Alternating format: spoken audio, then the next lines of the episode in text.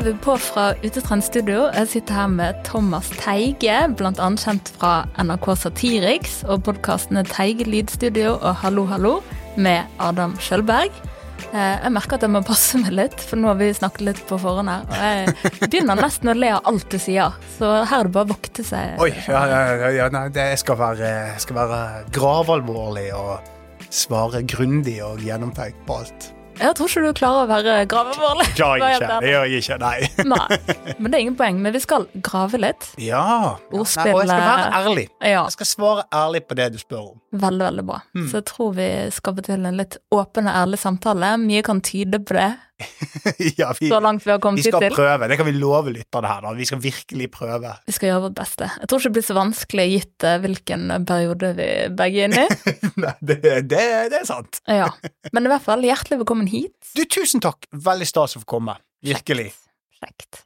Jeg tenker vi begynner med det alle gjestene må svare på først, og det er Kan du gi meg et ord om hvordan dagen din er så langt? I dag har jeg hatt en veldig bra dag.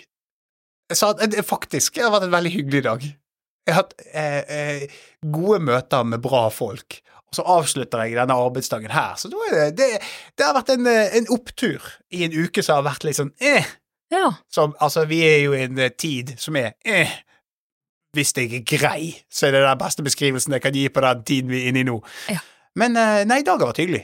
Kjempebra. Mm. Mm. Og når du sier det, så snakker du også litt spesifikt om vår bransje. Nå snakker jeg om den kreative bransjen, ja. Ja. 100 Ja. eh, Det er jo ikke akkurat lystig i, i, i verken eh, da eh, den kreative bransjen, la oss, la, oss si det på den måten, da. Ja, det har vært et litt bekmørkt eh, bilde, men nå skal vi se hvordan vi kan på en måte rydde oss eh, ut av den Vi eh, skal sammen. rydde oss ut av det. Ja. Mm. Men hvis vi går helt tilbake, Ja. da du var liten Oi. gutt og ikke ante hva som skulle skje videre, Ja. det har jo skjedd ganske mye, Ja. men hva drømte du om da? Jeg skulle bli fotballproff som alle andre, jeg. Ja. Jeg hadde, jeg hadde en karrieren klar. Skulle jeg begynne med utlån i Borussia Mönchengladbach. Så spesifikt. Jeg vet ikke Nei, nei unnskyld! 1860 München. Unnskyld. Ja, ja, ja. Det, det De har jeg sett spille litt nede i München. Ja. Har du det? Ja. Hvorfor i alle dager har du sett 1860 München? På Olympiastadion. Ja, ja, ja, det, ja, selvfølgelig, men hvorfor var du på Olympiastadion? Det var med min far og min bror, for de er veldig glad i det, Ja, det laget der. Ja. Det er veldig gøy. Nei, så jeg skulle der, og så, så, og så skulle jeg selvfølgelig til Manchester United, da. Ja. Skulle jeg eh, spille resten av karrieren. Det var planen. Jeg var ikke så god i fotball, da. Eh, så det er jo det, det er jo en stor hake ved hele denne planen. Var at jeg var i, i, på, på, på det beste middels. Ja. Så det her var Så jeg begynte på et eh, veldig dårlig utgangspunkt der for å oppnå drømmene mine. Jeg har fullstendig mangel på selvinnsikt, vet du. Men- Og det har fulgt meg hele livet. Det har fulgt meg hele livet. Men hvor kom den selvtilliten fra at du så for deg at dette var noe du kunne Jeg tror et, eh, eh, eh, Fotballproff? Mm. Jeg tror rett og slett jeg ikke visste bedre. Jeg tror rett og slett det var det, var det, det var det jeg var interessert i, det var det jeg så, og selvfølgelig skulle jeg bli det. Og så Jeg tenkte ikke så mye over på det at du må trene helt sinnssykt mye og faktisk ha et talent og evner og en syke som takler det. Jeg hadde jo ikke gjort det. Jeg hadde vært det, du vet sånn i fotball så er det alltid sånn Å, de naturtalentene så eh, alt går til helvete med. Og så er det sånn waste of talent. Det er det beste jeg kunne oppnådd. Hvis jeg hadde hatt talent, så hadde jeg ikke taklet det. det hadde jeg, jeg, hadde vært, jeg hadde vært en sånn historie som de hadde laget dokumentar om, For det at ja, nei, alt gikk gale med han. Han fikk alkoholproblemer og begynte med narkotika og gjorde alt gale når han først fikk penger i ung alder. Jeg har ikke taklet det i det hele tatt. Det er gud bedre. Ja, Da må vi finne ut av hvorfor. Hvorfor har du ikke taklet det? Hvordan var du som ungdom? eh, eh, todelt. Eh, eller tredelt, kan du nesten si. Eh, sånn opp til eh, barneskolen. Så er alt eh, happy go lucky og kjempebra. Problemet er at jeg vokste jo ikke dritt mellom barneskole og ungdomsskolen. Så ungdomsskolen så gikk jeg på en ganske tøff Det var et ganske tøft miljø på den ungdomsskolen. Så da var hele taktikken var ikke bli sett, og ikke Altså bare, bare, bare ikke bli sett. Det er taktikken. Ja. Når du er liksom litt lubben og bitte liten, ikke gjør noe, bare vær stille. Ja. Få gode karakterer og vær stille, sånn at ingen ser deg. Og så, da jeg kom på videregående, så ble det den tredje perioden, for da, da vokste jeg, og, valgte en annen retning enn alle andre. Jeg valgte mediekommunikasjon, og det var det første kullet som var i Bergen. Så det var veldig høyt snitt for å komme inn. Og da møtte jeg bare likesinnede særinger. Og det var helt fantastisk. Det er kanskje det beste som har skjedd meg i livet, da. Da, jo, jo, men, men det var helt fantastisk. Fra å være liksom en redd gutt hver dag på skolen, så kommer du inn i et miljø der alle er sånn rare nerder med gode karakterer og fantastisk eh, så, Og har liksom samme interesse for film og den type ting. Så det var Det har definert livet, da. Ja. Sant? Var det et langt svar på et enkelt spørsmål? Nei, men, men, men det ga meg litt å tenke på. Um, Mm. I form av at det kan jo virke som kanskje dette kan knyttes til humor, som kanskje har vært en av de største Ja, ja. Hva skal man si, største feltene du har operert eh, innunder de De siste årene har humor vært veldig eh, sentral del av livet mitt, og det har jo det. Ja. Uh, og det er jo um, jeg, jeg tror det veldig tett knyttet opp til det eh, vi snakket om nettopp. Det er jo, for humor er jo i utgangspunktet en forsvarsmekanisme. Nå sier jeg det som at det er et vitenskapelig fakta. Dette er min påstand, bare for å understreke det. Eh, for det er jo noe med den der at eh, det er lettere å bare tulle ting vekk overfor seg sjøl og overfor alle andre. Ved å holde masken. Hvis du da gjør narr av noen, så er det enkle. For jeg kunne, ikke, jeg kunne ikke banke noen. Det kan jeg fremdeles ikke. Men jeg kan gjøre narr av hvem som helst, føler jeg. Og så gir det meg stor glede. Så, at, eh, eh, så, så, så det er jo, det er jo den forsvarsmekanismen der som kanskje ble trigget når jeg da var Mm, liten og feit. Ja. Og usikker. ja. ja, så det var på en måte, kan man kalle det et lavt selvbilde på den tiden, som Ja, du på en måte maskerte med humor. ja. Ja. La oss bare være ærlige med det. Ja, la oss være ærlige. Ja. Please, la oss. Jo da, men det er jo det er, Jeg tror det er så tett knyttet opp med, med, med, med selvbilder. Så det er jo det en måte å komme ovenpå òg, da. Og med å bruke humor og den type ting. Og så er, er, det gøy. Det er jo selvfølgelig sånn, sånn rent faglig med alle tingene jeg gjør, så jeg syns det er gøy å bry For det er jo mye Å, herregud, nå kan jeg snakke mye og teknisk om dette, men, skal, men altså Humor er jo basically å bryte regler innenfor en trygg ramme. Og det er skrekkelig gøy og når man skriver og har en vending som overrasker, et brudd som ikke man forventer. Da lager du plutselig humor, og det Mm. er dødsgøy. Sant? Ja. Så det, det, det er Ja.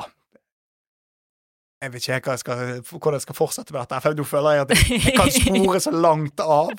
Eh, jeg og så blir det sånn monolog i eh, 45 minutter med meg her nå. Det, Nei, nei, nei, men det første jeg tenkte på var at du uh, De tingene jeg har sett, Mm. så slår det meg at du er en som tuller med kanskje ting som andre ikke ville turt å tulle med. Ja. Og at du kanskje kan tulle med litt mørke ting. Ja. Ja. Og det får man av og til reaksjoner på, da. Ja.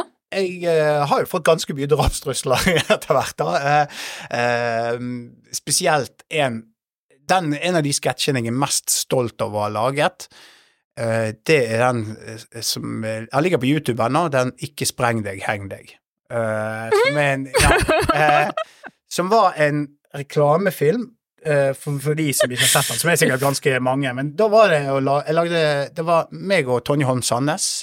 Vi lagde jo sketsjer for Satiriks da. Og da var det sånn at vi skrev sketsjen, filmet den, og så publiserte vi den. Og det, denne sketsjen, den eh, På lørdag, det var en lørdag, så skjedde den terroren i Manchester. De selvmordsbomberne som kom inn på Jeg husker ikke hvem sin konsert det var. Det var i hvert fall en veldig kjent artist sin konsert, og så sprengte de seg sjøl, og det var flere tusen som døde, og helt forferdelig. Og det gjorde meg så forbanna at jeg tenkte, kan ikke de bare henge seg sjøl, da? Eh, og så ble det la Ikke spreng deg, heng deg-sketsjen, som var en sketsj der vi reklamerte et, et sånt tau med sånn løkke som du kunne henge deg i, mot terrorister. At det var et mye bedre alternativ hvis du var eh, Ja. Og den sketsjen ble veldig bra, og eh, ble veldig spredt, og, men det var veldig mange som ville misforstå en sånn sketsj, for den er ganske hard, og du viser for folk som tar en løkke rundt halsen. Mm. Da fikk vi veldig mange reaksjoner på det, og det er eh, naturlig nok, da. Ja. Men jeg mener at poenget var så solid at de, de kan stå i det. Ja. Det var ikke noe vanskelig, for jeg bare Nei, men eh, jeg hører du sier at jeg gjør narr av folk som tar selvmord. Det gjør jeg ikke. Jeg gjør faktisk narr av terrorister. Ja. Og jeg forstår at eh, det er sårbart for folk å se eh, den settingen vi brukte, 100% men poenget var ikke det. Så, og, det, er jo noe med den å bryte og, lage humor sånn, Det gjorde vi spesielt i Satiriks, da. Så var jo det å på en måte eh, da, da skal jo du angripe eh, samfunnet på en måte, da. Ja. Det er jo satiren sitt, du skal liksom angripe makt og eh, Ja, sparke oppover, Du skal sparke oppover. Og jeg mener jo det at jo da, eh, man kan definere om å sparke terrorister er å sparke oppover. Men eh, det er i hvert fall å sparke en gruppe folk som fortjener det. Ja. Skjønner du? Men det er vel det at det, det, kan utløse triggere, men da lurer jeg egentlig på hvor mye hensyn, for det vil jo alltid være ting som kan være triggende for en gruppe i, i, innenfor Ja. humoren. Men hvor mye hensyn tar du der? Eh, det er mye, faktisk. Eh, eh, for eksempel, ta den sketsjen, da. Så gikk For det første så må sketsjen være god nok til at du kan stå inne for det. For jeg har òg publisert en sketsj som eh, handlet om psykisk helse. Eh, har ikke lyst til å snakke mer om den, for den sketsjen var så dårlig at når jeg fikk kritikk, så var det mye verre å håndtere det. For jeg bare ja, eh, eh, Det var ikke det som var poenget, men sketsjen er så lite morsom at jeg hadde bare lyst til å trekke den. Unnskyld alle sammen. Sånn, så det, for da fikk jeg ikke til den balansen eh, mellom alle liksom, et tydelig poeng, for poenget ble litt sånn der halvveis, og ja. Nei, men tar eh, eh, igjennom, igjen i perioden i Satirik så var det veldig mange sånn man man var veldig nøye med hvordan man formulerte og veide hvert ord, sånn at ikke ting skulle misforstås, da. Mm. Sant? Og så er det tydelig Noen kommer til å misforstå den type humor. Ja. 100 Ja, noen Sånn vil jo. Ja, noen vil misforstå. Det var jo det som skjedde med den uh, saken der. Da fikk vi en sånn vendetta fra VG og ble anmeldt til PFU, uh, og uh, vant. Fordi at vi hadde rett. Men, eh, men, men eh, eh, Men jeg vil ikke sitte igjen etterpå og ha tenkt 'å, faen', det tenkte jeg ikke på. Så du veier den så sinnssykt før du publiserer en sånn type sketsj, da. Ja. Altså, altså at du vet, du vet hva som skjer, rett og slett. Føler du at det gjør at du har mindre måte, handlingsrom når du skal være kreativ? Nei. Jeg tenker det er faktisk nesten mer inspirerende. Og altså, de gøyeste tingene uh, i, i Satiriks var jo de som var farlige. Fordi du må være så nøye, og så må du være kreativ. Du må, være så smart på alle måter du sier ting, da. Du må veie alt eh, for å kunne stå i kritikken. Og der ligger det masse kreativitet. Altså, kreativitet er jo egentlig Jo mer begrensninger du har på kreativitet, jo bedre er det. Sant? Man har jo komikere og eh, folk sier du kan ikke si noe som helst lenger. Sant? Og eh, vi har en eh, kanselleringskultur, og det er woke og alt mulig, men jeg, eh, jeg tror jo helt oppriktig at de beste komikerne kan si hva de vil, så lenge det er gjort riktig. Og jeg sier ikke nødvendigvis at jeg eh, er den som gjør alt riktig nå. Jeg sier ikke det, liksom. Men de beste klarer det. Jeg føler bare at å sutre og klage over at ikke du kan si alt, mm, da er du kanskje ikke så morsom. Det er det som er Men det er jo også veldig veldig subjektivt, og det er derfor jeg kom inn på dette med Ja. at det kan virke som din eh, humor er litt mørk.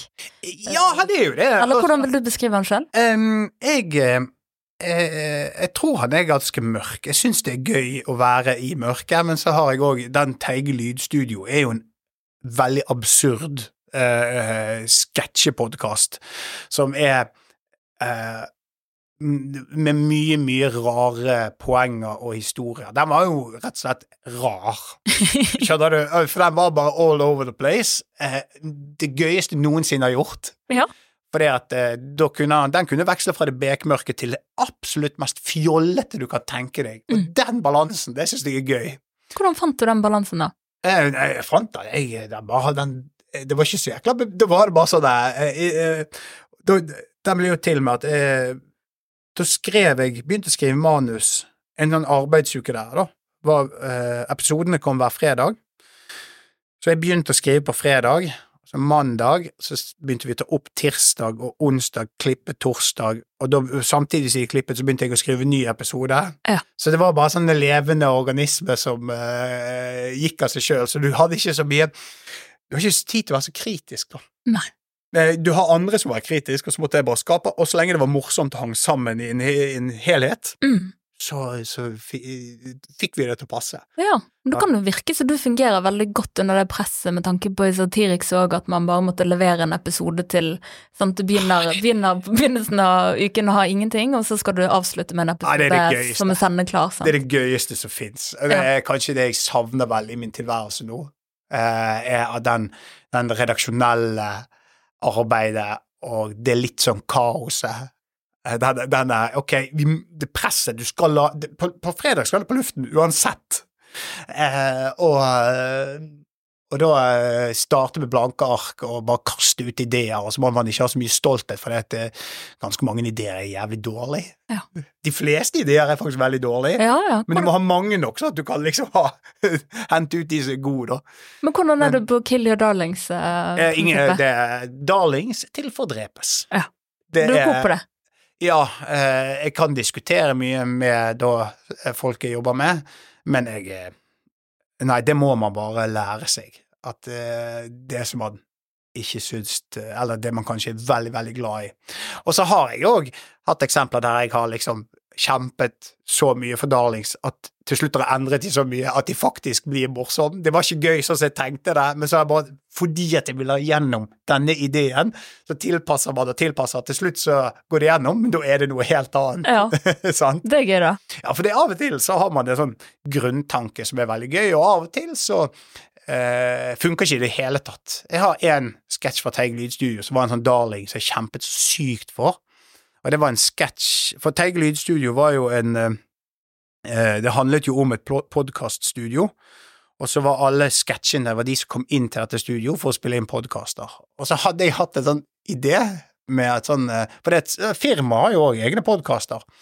Da hadde jeg hatt en idé med et, eh, at det var sånn skadedyrsfirma som hadde podkast, og at han ene som var eh, i podkasten, egentlig var en seriemorder.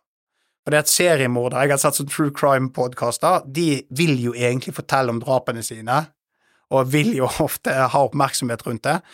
Og så skulle han her da glippe, at han liksom begynte å snakke om å drepe liksom skadedyr, men så forsto man etter hvert at helsike, han dreper jo mennesker, han snakker ikke om rotter. Det var en sånn, det var en sånn idé, så jeg, hadde, og jeg, og jeg var så glad i den ideen, og jeg, jeg lå våken om kvelden og tenkte på den ideen. Spilte den inn? Han var så jævlig dårlig. det funket ikke i det hele tatt. Og så er det mange variabler. Hvorfor funket det ikke, og sånn og sånn, men han kom på luften. For han var liksom helt ok, men når jeg hørte det igjen, så var det sånn Helvete! Har jeg tenkt på dette i liksom et, et halvt år nå, og så er det det? Sant? Det Men sånn er det. Sånn er det. Herregud. Men når var første gang du på en måte innså hvilken humor du har? Og at du faktisk har Oi. humor, at du er han morsomme fyren. Når fikk du den råden? Jeg føler meg fremdeles ikke som han morsomme fyren, bare så det er sagt. Eh, Jeg eh, Men jeg Det var egentlig litt sånn Jeg nevnte på Jeg har alltid hatt ideer og syns det har vært gøy å liksom prøve å gjøre det, men det, når, jeg, når jeg begynte på eh, på videregående igjen, på mediekommunikasjon, så kom jeg jo i et miljø der det var likesinnede Mm. på alle måter, da. Og da syntes jeg det var gøy, og når vi fikk oppgaver eh, Nå skal dere lage en reklamefilm, eller nå skal dere gjøre sånn, så syntes jeg det var utrolig gøy å prøve å sette lærerne ut av spill. Sant? Eh, det var Det syntes jeg var å gjøre liksom akkurat det vi fikk beskjed om, men på en måte som gjør sånn Dette var mørkt eller fælt eller eh, morsomt. Og det og så ble jeg etter hvert ganske så syntes jeg det var så gøy at jeg ble på en måte god på det, rett og slett. da. Mm. Og så eh, Så jeg, det, Igjen, da. Det har aldri vært helt sånn bevisst eh, at jeg har Jeg har aldri jobbet for å komme inn i humor, det har bare på en måte vært en del av alt jeg har gjort. Mm. Eh, for jeg jobbet jo eh, Karrieren min begynte jo med jeg, jeg gikk jo etter hvert og utdannet meg som manus og tekst for TV. Det var jo sånn prøvelinje med den danske filmskolen. Det var ett kull, og så var det ingen flere. Eh, og på den eh, skolen så hadde jo, bare humor en av øvelsene, og der merket jeg at ok, her, dette er det av de tingene vi lærer her nå, Mm. så her føler jeg at jeg har en mestring, da, eh, Ja. i større grad enn for eksempel du skulle skrive science fiction. Gud! Helsike, det var jeg dårlig til! Jeg hadde ikke eh, eh, Ingen forhold til det sånn egentlig, men det, altså, det var altså Jeg har aldri fått så mye slakt i noensinne i hele mitt liv som når jeg skulle prøve å levere fra meg en science fiction-oppgave på uh, studiet. Det var, det var så jævlig dårlig. Ærlighet. Ja, det var For jeg satt og tenkte sånn Men hvordan får de mat? Hvordan, jeg klarte liksom ikke å forstå hvordan de skulle være på den planeten her og få mat. Nei. Uh, Jeg hater jo den sjangeren. Ville jo aldri sett en men jeg skulle, ønske, sci-fi-film. jeg, jeg skulle ønske jeg kunne både mestre den og forstå den mye mer. Mm.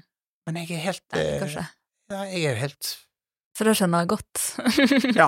Nei, så jeg har liksom Så skjønte jeg det. Og så har jeg på en måte veldig mye av de uh, Etter jeg jobbet med TV noen år, så var jo det det å prøve å være morsom med de Jeg jobbet jo med talentshow i begynnelsen av karrieren min, og prøve å gjøre det morsomt, og jobbet med, Jon Brungot og Berg Johansen. Morsomme folk Mm. som var lett å, som var gøy å skrive morsomme ting for, vel å merke innenfor rammene familievennlig talentshow.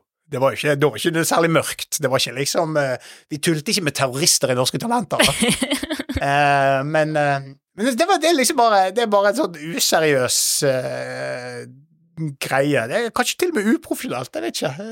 Men det er liksom den der prøve å gjøre noe artig, da. Ja. Og ha det gøy. Men det kan jo virke så mye tilfeldig, for du har jo også sagt at det ikke Eller det var ikke bevisst å på en måte havne på TV selv, på en måte. Nei, det var det ikke. Det skjedde bare.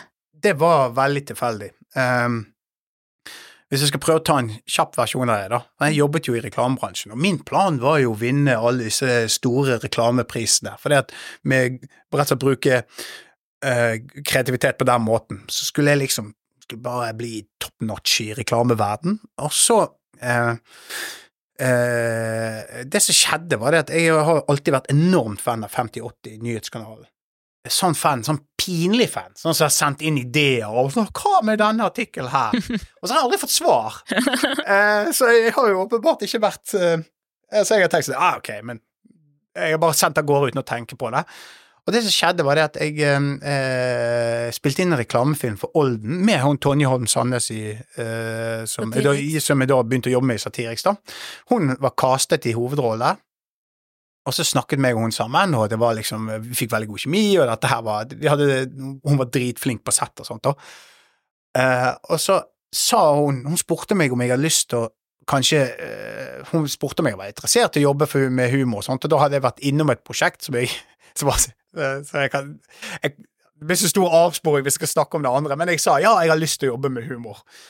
Og da holdt hun og Sandra Spjelkavik på å lage show som skulle Pole Bull.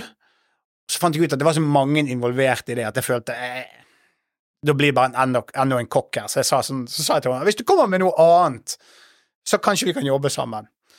Og samtidig som dette skjedde, så trakk han eh, Josef Adoui eh, seg ut av Satiriks for å starte TV-programmet Svart humor. Her er det en ganske stor spiral her, da. Mhm. Eh, Tonje møtte Markus i 5080 tilfeldigvis. De kjente hverandre fra en pilot de hadde gjort noen år før. Og så sier hun sånn Ja, nei, jeg er bekjent med en uh, tekstforfatter som er ganske morsom. Thomas Teige. Og da visste de hvem jeg var, for jeg er han fyren som sendt så mange sånne fan-mails. Sant? Jævlig patetisk. Og så bare Ja, men han, hadde, han hatt noen gode ideer, det har bare aldri passet i forhold til planene våre. Ja. Så ja, kan ikke dere prøve å finne på noe, da? Sant? Og da eh, Så jeg husker det var bare så absurd, hele mm, det som skjedde der, da, og så hadde jeg ingen tro på at det skulle gå. Eh, når vi ble liksom spurt om Eller Markus og eh, Sturle spurte om vi skulle lage piloter for Satiriks. Og eh, da var det Fikk vi en bekjent av Tonje som kunne filme og klippe, så laget vi en, eh, en pilot, og det var at overvåkning er bra. Eh, for det var så mye medie om overvåkning at det i alle mulige kanaler, og det markedsførte vi det som en, en veldig positiv ting, for du kan bli kvitt uvaner. Og så filmet vi en sketsj, men vi har ikke råd til skuespillere, så da måtte jeg foran kamera, for jeg hadde egentlig tenkt å kun ha regi og skrive. Men da var det sånn, vi må ha, vi er nødt til å ha to aktører. Ja, da får jeg sitte her, men nå skrev vi hele filmen sånn at jeg ikke sa noe. Sant? Og så ble den sendt til NRK, og så ventet jeg bare på en sånn der eh, Ja, vi fikk veldig mange fine bidrag og bla, bla, bla, eh, men dessverre blir ikke dere denne gangen, men vi vil ha dere i tankene hvis det skulle dukke opp en mulighet seinere. Mm. Så ble vi innkalt til møte på Teams med NRK, og så sier de ja, nei, vi har hatt veldig mange prosjekter inne, og uh, veldig høyt nivå, bla, bla, bla. Uh, så vi har valgt dere. Og etter det så husker jeg ingenting av samtalen. Oh, Jeg husker er ingenting, for jeg bare, jeg, bare, jeg bare bikket helt ut. Det eneste jeg hadde fått beskjed av min kone, var det at eh, du kan ikke uh, Husk at ikke du kan gjøre noe i november, for da er du i pappaperm.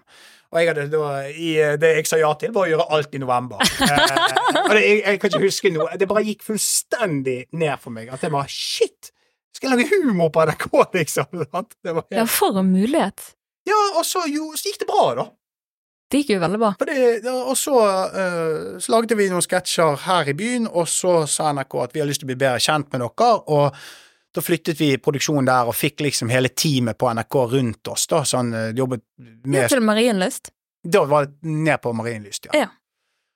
Og da eh, fikk vi liksom Stig, som var da eh, ble sjefen i Satiriks, han eh, var bare fra meg Unnskyld at jeg banner, men han er altså sånn multigeni på alt. Det var helt fantastisk å ha en sånn eh, Og så rask! Det var så gøy å jobbe med en som er sånn. Og så uh, hadde vi Sturle og Markus og hele redaksjonen med Norske Grønnsaker og Josef og alle rundt oss. Det ble, plutselig ble vi en del av en redaksjon og en gjeng. Mm. Helt sånn der For det ble jo en ganske stor greie. ja, det ble eh, Satiriks uh, som For det var jo en, en nettsatsing. Og da ble jo det vi, det vi Når vi begynte, så tror jeg Satiriks hadde Jeg husker ikke om det hadde 50 000 følgere, men når vi sluttet, så hadde vi 250 000 følgere. Sant? Så det var liksom Og det var bare på Facebook. Og så eh, hadde vi jo eh, 150 000 på YouTube, tror jeg. Og, Så det var liksom Det ble et sånn veldig gøyt mm, eh, nettfenomen, da. Og det er helt sykt kult å ha vært en del av. Det er synd at det vekker, da. Det er jo Det har jeg, jeg selvfølgelig ingenting med å gjøre, da. Det er jo eh, politikk og eh, NRK og kringkaster og sånne ting, da. Men det var en helt syk opplevelse. Mm. Og så ble jo det et TV-program, da. Det ble et TV-program. Ja. Og det ble jo et household name, på en måte. Det var jo noe alle visste om. Eller mange, Ja, i hvert fall. jeg vet ikke Jeg, Jeg føler det. Du, ja, Kanskje altså, Satiriks da, men Satiriks er kjent, men jeg vet ikke om TV-programmet liksom ble liksom den hiten som man håpet på. Vi fikk bare to sesonger, da, men, Ja. men uh, det ble Ja, men det kan jo gå på behovsmelding og sånne Ja, ting. altså, At det, det ikke svarer jeg, til jeg er eh, veldig, veldig Det var jo et program som der vi eh, lærte å lage TV omtrent underveis, da. mm. Men uh, for en opplevelse. Jeg er så takknemlig for opplevelsen. Jeg er liksom uh, Ja, helt sånn absurd å få lov å gjøre noe sånt som det der. ja. Du har gjort mye gøy, du. Etter spalten så skal vi høre mer om uh, de ulike prosjektene du både har og Ja. gjør nå. Mm. Men før det så vil jeg bare litt inn på dette frilanslivet. Ja, å, herregud. For uh. på et tidspunkt så valgte jo du å gå egne veier, og det er ofte noe man gjør i en periode der mulighetene på en måte er mange, det går bra i den bransjen man opererer i, og man tenker shit, dette kan faktisk fly. ja. Eh, så kommer knekken, ja. Uh, og vi kan jo si oss enig i at for oss har den kommet i fjor og i år. Ja, det er jo ikke Altså, uh, den perioden vi er i nå Nå sier vi, for Ja, vi er vi er begge i denne bås. båten her, liksom. Sant? Det er Eh, det er jo eller altså Hvordan skal man beskrive det? Altså, som så jævlig drit. Altså, det er sånn uh, alle, alle prosjekter blir satt på vent, hold. Jeg hadde jeg hadde et prosjekt nå på Discovery, eh, meg og Adam Schjølberg, da, som vi var helt sikre på at vi skulle begynne å jobbe på. Alt tydet på det. Eh, og så slår da HBO og Discovery seg sammen, og så får vi beskjed at ja, det har, det har ikke noe å si for dere. Eh, vi må bare vente på en sånn formalitet før vi da kan begynne å liksom sette i gang med manusarbeid og sånt. og, så, og så Ja, vi må vente på en ny Head of Global i USA. Ja. Og så har jo da den personen selvfølgelig sine egne visjoner og egne strategier, og der røk bare det prosjektet. Sant? Og det er jo liksom bare sånn Alt er eh, Det er så ustabilt, og uh, man vet aldri hva som kommer rundt neste sving. Og det har bare vært slag i trynet og motgang og stang ut. Det føler jeg er liksom det Og det er ikke, dette er jo ikke bare på mine vegne. Dette Nei, er jo for alle på i på en måte denne bransjen som vi opererer i, da. Absolutt, og det du sa nå er liksom bakteppet på hvilken tid vi er inne i, men hvis Ja. vi ser litt på mekanismene i oss, så er jeg veldig interessert i hvordan du på en måte takler det. Så vi kan jo kanskje begynne med bare det å stå i motgang. Eh, hvilken person er du i motgang? Jeg, jeg tror jeg er en veldig eh, Jeg er en eh, person som eh, jeg veksler veldig, veldig med å være helt sinnssykt offensiv. og samtidig bare ligge i fosterstilling i mørket og bare tenke 'Gud bedre, hva er det jeg har gjort?' Dette er det dummeste noensinne. Høre på uh, trist musikk og bare synes synd på meg sjøl. Nei, det, men det er, men det er helt Altså, jeg, jeg, jeg, jeg sliter. Jeg dras veldig mellom det dramatiske og det rasjonelle. Mm. Uh, jeg klarer ikke av og til å For man må prøve å være rasjonell og saklig, og prøve å se løsninger. Ja. Men det er faen ikke alltid Det sliter jeg altså. litt med, for å være helt ærlig. Man må liksom svømme, men så er man sliten, og så er man lei, og så har man bare lyst til å gi opp, og så kan man ikke gjøre det. Det er ganske, det er en ganske Akkurat nå er det en veldig brutal tid, da, Mm. som jeg kjenner at er Du er kjenner det på kroppen. Ja, jeg kjenner det på kroppen. Ja. Virkelig. Jeg um, Men så jeg På mange måter så har jeg vært ganske privilegert gjennom den tøffeste perioden her nå, da. Jeg har hatt liksom prosjekter, og jeg har hatt det, men det er liksom den denne opplevelsen av at det lugger, og det skaper en usikkerhet i meg Altså, altså det er en usikkerhet i bransjen, men det er òg en usikker internt i meg som gjør at jeg er sånn Hva er det jeg holder på med? Ja. Rett og slett. Hva, hva, hvorfor gjør jeg dette med meg sjøl? Dette er selvpining, og jeg, jeg er ikke noe sånn sado... Uh, ma, ma, herregud, Masochist. Ja, jeg er ikke det. Jeg liker det, jeg liker det sånn. Jeg liker medgang. Ja. Og bli dullet med. Ja, men det gjør vi jo alle, men jeg tenker at det er jo noe med i hvert fall den bransjen vi er i, og hvis Mm. du på en måte driver med egne prosjekt og sånne ting, så begynner du jo fort å legge litt sånn verdi i det. For det er gjerne det folk Det er det første folk tar opp når du møter nye folk. Ja. Det er det som er samtaleemnet rundt bordet når du møter familien. Det, liksom, det blir jo til en greie, gjerne. Ja, så folk sentral- forbinder med det, da. ja, det er så sentral del av identiteten, Ja. sant. Og når det da går dårlig, så er det klart at det går jo på selvtilliten løs. Ja, ja, det har vært eh, Det er litt det er tøft å stå i, altså. Ja. Hvordan går din indre dialog da, på sånne dager? eh, nei, jeg eh, Hvordan går min indre dialog, ja? Den er veldig kaotisk og eh, ufokusert, holdt jeg på å si, da. Det er jo en sånn eh, Jeg syns det er Igjen, da, det er den der prøve å holde seg rasjonell og tenke hva kan man gjøre, men så kommer man blir sånn lammet av redsel og panikk òg. Ja, handlingslammet. Ja, man blir veldig handlingslammet, og det er kanskje det som preger meg mest nå i den perioden som akkurat nå er fordi at jeg har veldig mange eh, baller i luften. Så hvis det er sånn, det er denne balansen mellom at du vil ikke ha for lite å gjøre, og du vil ikke ha for mye å gjøre. Eh, og nå er jeg der hen at jeg har på en måte litt for mange ting i luften, sånn som altså, altså, jeg avtalte og kansellerte et møte her i, i går, og så bare og helt sånn Shit, nei, jeg har jo dobbeltbooket meg den dagen. Og så ser jeg at nei, det var jo jeg som tok initiativ til at det skulle være neste uke, fordi at jeg ikke kunne da i dag. Og så er det bare sånn, det går så sykt i surr. Og så er jeg en ikke en veldig organisert person, sånn, eh, det, det kan jeg ikke si at struktur er min styrke. Mm. Men jeg vet at eh, struktur er så viktig for å få dette til å gå opp. Så jeg er sånn kalender, uh, får alt inn i kalenderen-fyr, og så har jeg nå klart å ha to kalendere på telefonen som ikke snakker sammen, så det stresser meg så sykt. Ja, samme. Nei, men det er um, Nei, nå svarer jeg ikke på spørsmålet, nå sporer jeg Nei, av og snakker om Men da kan du dele litt hva jeg tenker, da skal vi se om Gjør er det, enige. gjør det. Men min uh, indre dialog i en sånn periode uh, Akkurat sånn som du sa, den er veldig todelt. Den mm. ene er veldig dramatisk, og den andre er uh, Skal ikke si rasjonell, for det føler jeg ikke at den er. men men, men det, det er litt mer sånn eh, Hva skal man si avslappet holdning til det, da. Men eh, jeg merker at det veksler mellom så fuck it, jeg må bare gjøre noe helt annet. Dette går jo ikke. Ja, ja, ja. Det, det er ingen poeng å fortsette på dette sporet som er nå. Mm. Og så sier jo den andre stemmen nei, men liksom, du har brukt så mye tid på det her, du har investert så mye i eh, de tingene du holder på med nå, liksom. Du kan ikke bare kaste det bort som ingenting. Ja. Og så går de to sånn på loop Mm. oppi hodet, det er hver dag. Og gjerne Ja. flere ganger om dagen. Våkne Jeg- til frokost og bare fuck it. Nei, jeg, jeg kjenner meg finner meg ny jobb, liksom. Og så skjer det et eller annet positivt, og så tenker du nei, nei, nei, dette, dette svinger. Og så Nei, jeg Men det, kjenner meg... meg det er noe faens drit, liksom, å, å være på en eh, berg-og-dal-bane og bare bli kastet av i fart, for det er det det føles som. Jeg kan fortelle deg at jeg, jeg, jeg for første kjenner meg ekstremt igjen i alt du sier her nå, og så prøver jeg hele tiden å jobbe med å på en måte håndtere dette, da. Og så tenkte jeg her på tirsdag. Da det var litt sånn klassisk sånn dag. Du får eh, litt Det, det, dukker opp en, en mail som var sånn ah, en skuffelse, sant. Så var jeg sånn Jeg skal prøve å sette ord på denne skuffelsen her, og så skal jeg gjøre standup om det. Så jeg skrev på ja, en halvtime et femminutters standup-sett. Og så tenkte jeg nå, det, dette kan være en slags sånn renselsesprosess, og så bare gå på scenen og fremføre det.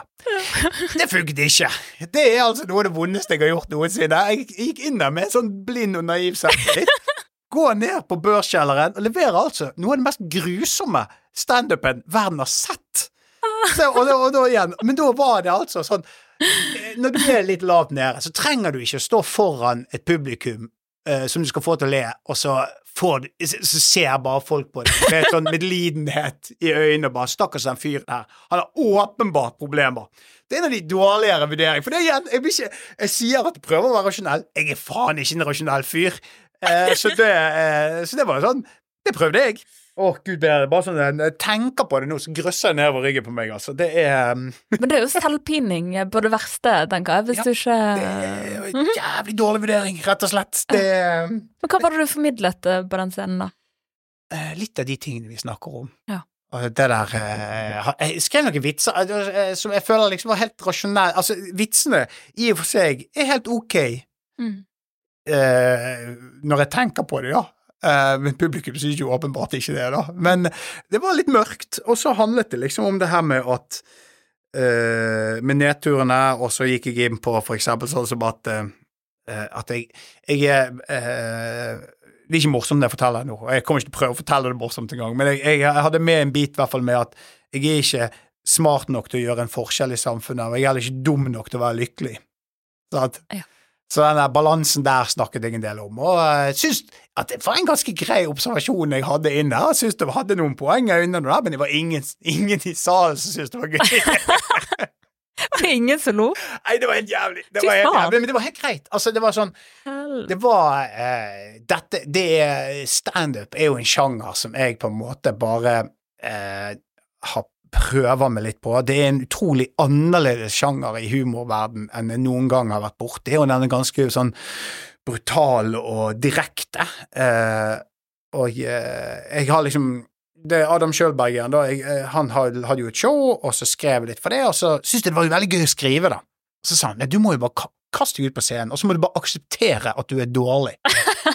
Ja, men, men, men det er mye lettere å begynne med noe nytt når du ikke forventer at du skal naile det fra første stund, liksom. Sant? Så, så det holder jeg på litt med. Og øh, det er på en måte veldig gøy. Og, og så, men jeg har liksom der klart å tillate meg sjøl å bare liksom lære det. Det er litt som hvis jeg skal lære meg fransk nå. Jeg kan ikke forvente at jeg snakker flytende med en fransk person etter to uker, liksom. Det tar tid. Mm. Sant? Ting til at Det hjelper ikke med dualingo, liksom. Det så, så, så, så det er liksom akkurat den samme mentaliteten jeg går inn der med. Da. Eh, Så har det vært litt sånn Du har jo de som blir gode i standup, er de som går helhjertet inn i det. Jeg går inn i det litt sånn haltende. Det er kanskje ikke det som er mitt felt, men jeg har tenkt sånn Ok, nå, må Når det er litt sånne tider der det er mye stang, eh, stang ut, eh, så må jeg det er anledningen til å faktisk prøve noe nytt. Og det har jeg gjort der, da. Så eh, med vekselhell, da. Ja, men du skal ha masse creds for å bare gjøre det. Tenk at du dipper jo tåen ut i noe nytt og, Ja, og altså, står i det. Man skal ha litt ryggrad for å på en måte stå i det der. Ja, ja, og når det- ingen det, ler, sant. Jeg ville bare løpt av scenen, egentlig. Ja, det eh, Sånn som Nå har jeg gjort det et par ganger i løpet av det siste året. her, da, sånn Kanskje 20, 20 ganger. Og det er ganske fort du klarer på en måte å riste av deg. Og eh, det gikk overraskende fort, den jeg klarte å riste av meg, den smerten. Mm. Eh, det er veldig gøy når det er gøy, eh, men jeg er så ny at jeg kan liksom ikke eh, Jeg kan ikke eh, Det som er eh, en god standup-komiker, eh, som kan Hvis publikum på en måte ikke kanskje har dødd litt ut, og det er kanskje ikke tidenes stemning der. Er jeg blir så fascinert av komikere som kan gå opp på scenen og snu det med materiell tilpass. Altså, de har nok på lageret av vitser til å kunne liksom tilpasse seg de omgivelsene de er. Det har ikke jeg i det hele tatt. Så jeg eh, har hatt noen veldig rare opplevelser der jeg bare sånn Jeg har visst at det jeg skal fremføre nå, det passer veldig dårlig i denne settingen. Det er jo som altså, Og så har jeg måttet gjøre det, for jeg har ikke noe annet å se innøvd. Nei. Eh, det er da, da Du vet Du lærer deg på en måte å vite at ok, dette går ikke dette, dette går ikke bra, men jeg møter mest sannsynlig ikke de folkene her igjen. Nei. Men samtidig så tenker jeg at du er sikkert ganske uh, herdet fordi at du har jobbet i reklamebransjen, og du har jobbet i mediebransjen. Uh, to Ja. bransjer med ganske hard tilbakemeldingskultur, sant, så Ja. man blir vant til, og du er flink til kill your darlings og Ja, Hele pakken. Ja, kanskje, liksom. men standup er så ufattelig direkte når det står en person, sitter en person foran deg, og du står i spotlighten, og så ler ikke folk. Altså, det er, det er, det er direkte på en helt annen måte. Men jeg, jeg gjorde jo dette for eh, kanskje 15 år siden var første gang jeg prøvde standup, Ja. og da bestemte jeg meg for altså, at dette er ikke min greie. Ganske sånn fort. Og da gikk det ganske greit.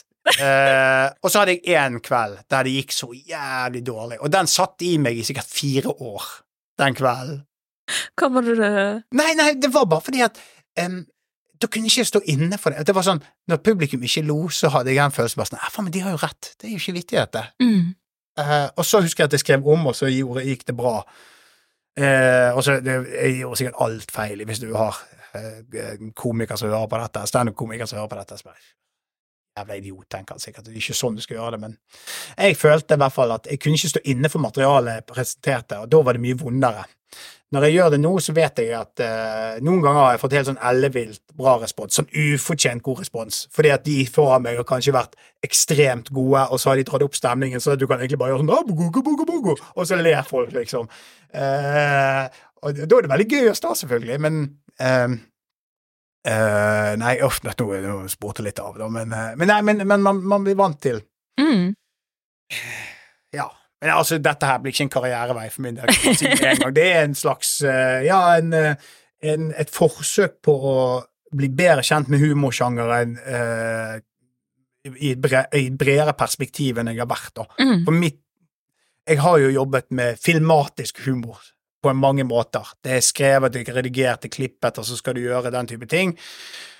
Og det er så utrolig annerledes å stå med mikrofon i hånden. Og jeg beundrer standup-komikere som Altså, gode standup-komikere er noe av det mest Ja, det gjør jeg òg. ja, det, det, det, det har så enormt respekt De fader, for et arbeid. Ja, Det er det. Jeg tror ikke folk vet engang hvor mye som ligger bak. Um, men Nei, jeg De tenkte som er gode, får jo det til å se så lett ut. Det er Ja, det liksom hele greien der, sant. Det, det er så Jeg tror ikke at jeg eh, på scenen får det til å se lett ut. Jeg tror det ser ut som jeg streber voldsomt. eh, Så, men det, det får bare være. Igjen, da. Jeg, jeg, jeg, jeg, jeg kan ikke fransk heller. Nei. Kanskje fransk, kanskje eh, Jeg kan knapt kommunisere på engelsk med en engelskmann, men det kan jeg. det kan jeg. Men det høres ut som du kanskje er en eh, kandidat for imposter syndrom. Er det noe du har kjent på? Ja, jeg, jeg kjenner jo til fenomenet. Mm. Eh, Men jeg mener jo ikke det, da. Jeg mener jo at jeg er en imposter. Alt, alt Fake it till you make it og alt det der. da må du utdype.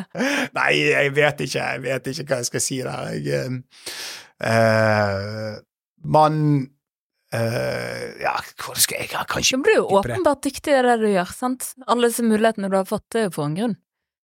Ja, jeg prøver å tenke det. Jeg prøver å tenke det, og så samtidig så eh, føles det av og til liksom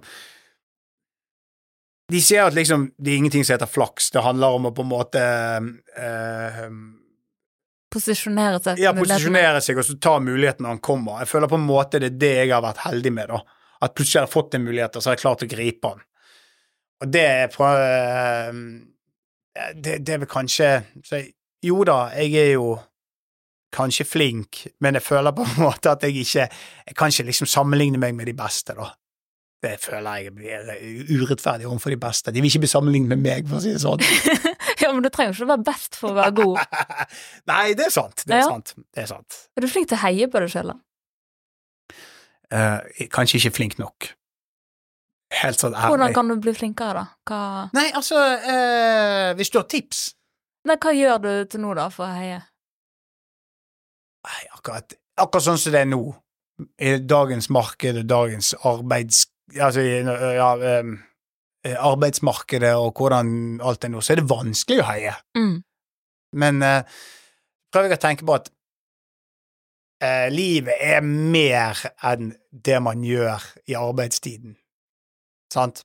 Og, er der, og der er jeg helt ærlig nå i en sånn situasjon der jeg vurderer virkelig hva er veien videre. Er det Hva skal jeg gjøre? For det at jeg vil jo være lykkelig, og eh, det er mange veier til å være en lykkelig person. Det er ikke nødvendigvis med å lage TV eller hva det måtte være.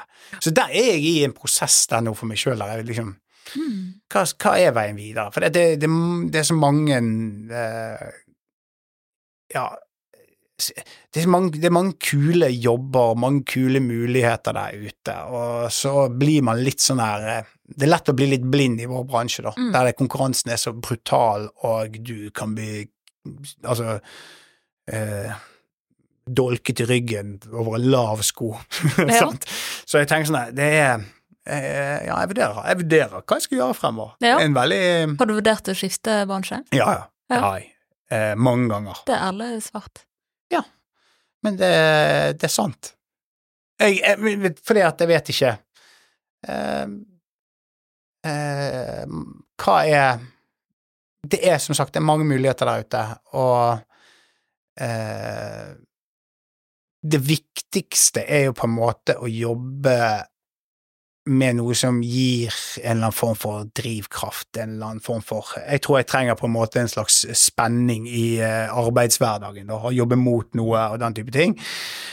Og eh, Men jeg vil jo veldig gjerne Ja, også hva det blir, da. Altså, igjen, da, jeg har jo nå jobbet mange år i reklamebransjen. Sant? Reklamebransjen er jo en veldig vid bransje. Det Mm. er veldig mange elementer der inne, og det er en bransje i stor endring. Sant? Og eh, TV er enda hardere og enda mer brutal og enda mer i endring. Så er det liksom sånn at det er jo et liv utenfor disse to bransjene her òg, der du kan trekke mange av de eh, kvalitetene som man har lært seg i, i dette virket som jeg har hatt. da. Så det er jo sånn, ok, hva? Så jeg er, jeg er jeg liksom tenker på det ganske jevnlig. Mm. Og så må jeg da finne noe som Hadde funnet noe som jeg føler treffer meg, så hadde jeg sikkert ikke vært vanskelig å bytte. Ja. Og jeg tenker uansett hva som skjer, så vil jeg nok fortsette å skrive og gjøre de tingene, eh, men på en annen måte. Mm. Eh, Kanskje mye mer sånn Altså, folk drar på fisketurer, og folk spiller padel og alt mulig. Ehm, jeg vet at jeg kunne sittet og knotet ned eh, formatideer, serieideer, eh, alt mulig sånn, eh, uavhengig av hva jeg gjør i arbeidstiden. For det, det syns jeg er gøy. Jeg syns det Jeg ser på veldig ofte sånn Virket mitt er på en måte å legge puslespill, da. Mm. Men eh, du vet ikke hva brikken er. Du ikke, og du vet ikke hva motivet skal bli heller. Du har bare noen elementer her og der, og så setter du det sammen. Så bare, Shit, dette her, det kan jo bli noe. Og så blir det mest sannsynlig ikke det, da, men du prøver mange, mange nok ganger, så blir det det. Ja. Så, og det kan jeg gjøre nesten uansett. For det, jeg tenker, hjernen min fungerer sånn. det høres utrolig teit ut, men det er liksom bare sånn, ah, det er rare Ja. tingene du hørte der. Hvis du kombinerer det med det, så plutselig så har du noe nytt som er spennende og gøy, og så kan du prøve å få med noen til å samarbeide på det. Ja, men jeg kjenner meg veldig igjen i det. Det er liksom bare som man eh, funker, så det er mye mer en livsstil og uh, personlighet enn det kanskje Ja. en jobb, og så bare ebber det ut i noe som på en måte blir jobben din, da. Ja. Men forskjellen på oss to er jo at du har jo en god del forpliktelser. Det har Ja, jeg har jo det. Ja, så hvordan veier de på en måte inn når du skal ta de vurderingene her? Nei, det, det er jo eh, altså som når du har familie og eh, barn og hele pakken der, og to katter, er nå er de gamle, da. Så ikke, ikke så mye problem med de, da, men eh, Nei, så må man Det, det- det blir jo en avveining, sant. Altså, siste halvannet året så har jo jeg jobbet i Bergen, i motsetning til hva jeg har gjort de siste årene. Så har jo jeg pendlet intenst mellom Bergen og Oslo. Fordi at eh, TV-bransjen er i Oslo. Eh, det er noe her i Bergen, men det har ikke vært noe av de tingene som jeg på en måte har jobbet med, som har vært her. Så jeg har jo tok jo et valg for halvannet år siden der jeg eh, rett og slett jobbet i Bergen. Og så har jeg liksom bare vedlikeholdt prosjekter litt ved siden av i Oslo. Og det har vært deilig. Ja. Eh, og nå er jo jeg i ferd med å komme inn i en ny eh, fase der jeg må begynne å ta litt valg. Hva skal jeg gjøre igjen nå? Eh, det er muligheter i Oslo, men vil jeg faktisk det? Mm. Sant? Eh, eh, det er kanskje lettere å gjøre det nå enn når jeg har gjort det før, for barna har blitt eldre, mye mer selvstendig, eh, men jeg vet ikke, for det har vært veldig deilig. For ulempen med å reise så mye som jeg har- har gjort, da, er jo at man sitter igjen med litt sånn dårlig samvittighet eh, hele tiden for overfor familien, for han er ikke nok til stede der, og så er ikke man nok til stede på jobben i Oslo, og så får man dårlig samvittighet for venner i Bergen, fordi at når jeg er hjemme, så må jeg være så intenst hjemme, for jeg har jo vært vekke, så er det den samvittigheten der. Så den, den samvittighetsgreien er jo noe som jeg nå vurderer veldig mye sterkere enn jeg har gjort før, når jeg nå skal velge hva som skjer videre. Mm. Jeg, må, jeg må på en måte finne en balanse som kan funke, og det er ikke bare bare. Nei. Sant? Og spesielt ikke når du bor For jeg hadde bodd i Oslo, eh, så hadde jeg eh, nok jobbet på en helt annen måte og mye mer direkte opp mot TV på flere prosjekter. Eh, men nå er det ikke aktuelt. Vi har vært, veldig, vi har vært så utrolig mange ganger nær ved å flytte til Oslo, så ikke endt der. Men nå har jo da min kone en karriere som går veldig bra, stor, trives med jobben. Jeg har ikke samvittighet til liksom sånn der, Nei, nå flytter vi til Oslo. Slutt i den jobben du elsker. Nå skal jeg eh, jobbe med kjendisprogrammer på fulltid. Det, for det er jo det som lages nå, da. Ja. Sånn.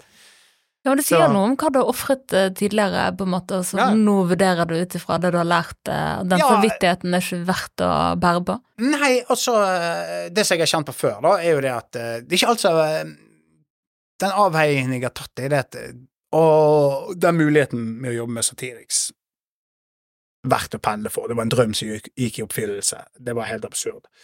Å lage min egen sketsjepodkast på NRK, eh, det var 100 verdt å pendle for. Eh, en drøm igjen. Altså, greiene som vi, vi er i drømmefangerpodkast. Jeg føler liksom at eh, mine drømmer de endrer seg litt etter prosjektene. Da. Det kommer helt inn en ny drøm. Eh, men, eh, men, eh, men det var verdt å tenke litt i Men da var jo planen egentlig å flytte til Oslo, fordi at med den strategi, Når NRK bestilte den podkasten, så hadde de én strategi, og den var veldig langsiktig og sånt. Så kom det nye folk inn, og så endret de det. Så, det, så da begynte jeg å stoppe flytteplanene, når jeg skjønte her er det nye folk inne, her kommer det til å skje noe. Men så Men det har liksom vært tilbud og sånt jeg har fått. Og når jeg da kan livnære meg ganske greit her i Bergen på prosjekter, så har jeg heller blitt i Bergen.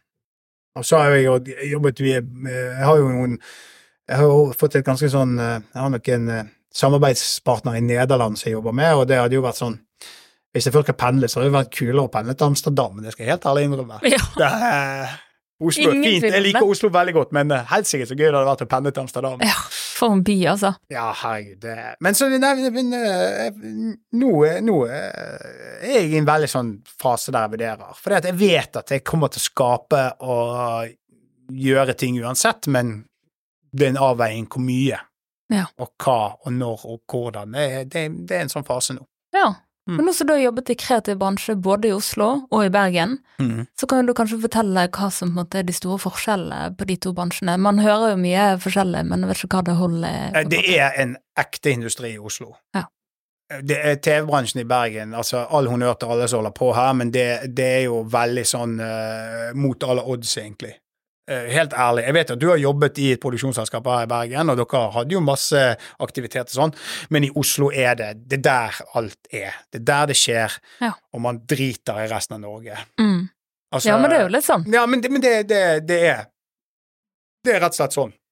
Det er omtrent som å øhm, ha lakse... Vi har lakseoppdrett her. Det er ingen som har lakseoppdrett i sentrum av Oslo. Det er like absurd å ha filmindustri her på en måte, eller TV-industri her, liksom. Ja. At det er bare helt sånn øh, det, det er der alle folkene er, det er der bransjen er. Så det er det som er. Du må over der hvis du skal jobbe. Mm. Så er det selvfølgelig enkelt Altså, det er fantastisk flinke folk her i byen. Ja. Men den store industrien, så der du kan få liksom jobber og jobbe kontinuerlig og med større produksjoner, det er jo der. Ja. Sant? Ja, Nå begynner det å komme litt da, med Mothership og Screenstory ja, ja, jeg, jeg håper inderlig ITV og Ja, altså, jeg har jo et veldig godt samarbeid med Jo i ITV. Sant? Han er jo en fantastisk fyr. Så, men um, han òg har jo kontor her, men arbeidsplassen er i Oslo. Ja. Sant? Og det er jo liksom den Det hadde vært så sykt bra for byen hvis vi hadde fått opp en sånn Vi hadde jo Tid for hjem. Som var en sånn der eh, eh, Som bare gikk og gikk. Vi skulle hatt flere. Vi skulle, vi skulle hatt det og fire andre. Mm. Men hva mener du vi kan gjøre for å bygge opp eh, TV-bransjen i Bergen? jeg skulle ønske Igjen, og jeg er ikke smart nok til å ha disse svarene. Eh, men eh, jeg håper at folk bare satser på ideer i byen, og så at man klarer å overbevise kanalene Altså klarer å få fram verdien av å tenke utenfor Oslo. Ja. Nå er jo det en positiv ting, da, er jo det at NRK har jo da dette bakemesterskapet som produseres her. Det er kjempebra. For flere sånne ting, da kan det, det, det, vil generere mer. Og så må man tørre å tenke stort her i byen. Det tror jeg er nøkkelen. mm. Vi jeg eh, faen, kjør på meg, jeg har ingen peiling. Altså, jeg, nå, dette tar jeg rett ut av løse luften, bare så det er klart der. Men er vi for uh, pessimistiske her? Jeg? Nei, vi. Bergenserne. Jeg, jeg føler òg at det er litt sånn navlebeskuende i Oslo. Og så jeg eh, skal ikke oute noen i NRK, men jeg jobbet jo med utvikling av nye TV-programmer der, og da var de opptatt av at vi måtte liksom gjøre research utenfor Oslo. Så var det en som sa ja, jeg kan jo reise og snakke med videregående, nei, med, med folk på videregående på en skole i Lillestrøm, og de var sånn ja, du tenker utenfor boksen, så jeg bare faen, Lillestrøm? Det er faen ikke utenfor Oslo, det er jo bare liksom et eh, togstopp eh, på veien, liksom. Så, altså, det, det, er bare, men det sier litt om perspektivet som er der. Det er, de er veldig navlebeskuende, og det er vanskelig å overbevise de at det går an å gjøre ting i Bergen. Det er den største jobben, tror jeg. For at det er folk og ideer og kapasitet her, Mm. ikke tvil om. Eh, så jeg har hatt liksom en sånn der eh, drøm om å få opp et prosjekt her i byen, så man kan samle talent her og lage kule ting. Men eh, det er ikke bare bare, da. Du må ha med deg en kanal. Jeg, jeg har ikke råd til det. Nei. Jeg kan ikke, jeg kan ikke finansiere egen lomme, liksom. Nei, du vet jo Eh, hvor ja, men du vet jo hvor vanskelig det er å komme gjennom nåløyet Ja, det er jo så brutalt, sant. Så, men det hadde, herregud, så fett det hadde vært. Og det hadde vært så Og jeg vet jo at det er folk som jobber med det. Ja. Eh, eller vet du hva, det vet jeg ikke, men jeg antar det. Ja, Jeg vet at det er det. Ja. Ja, for de jobber beinhardt, men Ja. eh, man skal også hele tiden svare til disse kanalbehovene Ja, ja, ja. og disse behovsmeldingene og hva de egentlig har sett for seg det og det året. Ja, det er det- ikke så mye Nei, intuitivt er det der, egentlig. Og så er det fryktelig, fryktelig vanskelig for de å tenke at det går an å gjøre noe utenfor. Ja. Sin, uh, utenfor Ring 3, da. Men det det- går også på budsjetter og sånn. Ja, jeg tror det. Så, og så igjen er litt sånn uh, fordommer. Tror jeg det er mye fordommer mot eh, hva vi kan få til i Bergen. Men så får man Det, det dukker jo opp prosjekter, eh, filmer. Nå, jeg har ikke sett den Victoria må dø, og Ja, det kommer liksom inn neste uke. Ja, neste uke, ja. Så det er liksom eh, Det er jo et visst håp at det, det, det kan skje noe. Og, og igjen, jeg tror mulighetene er her, men det er den største jobben er å overbevise eh, eh, de som har makten, og de sitter og har et perspektiv på hva som er Norge som ingen andre har. De tenker at Oslo, det er Norge. Altså, det, det er um det, det, det er i hvert fall min opplevelse, da. Ja, og det er vi nødt til å snu, men vi to har ikke svaret, så vi må bare slenge det ut der og håpe på at eh, de Ja. rette folkene føler seg truffet nå. For vi skal inn i spalte.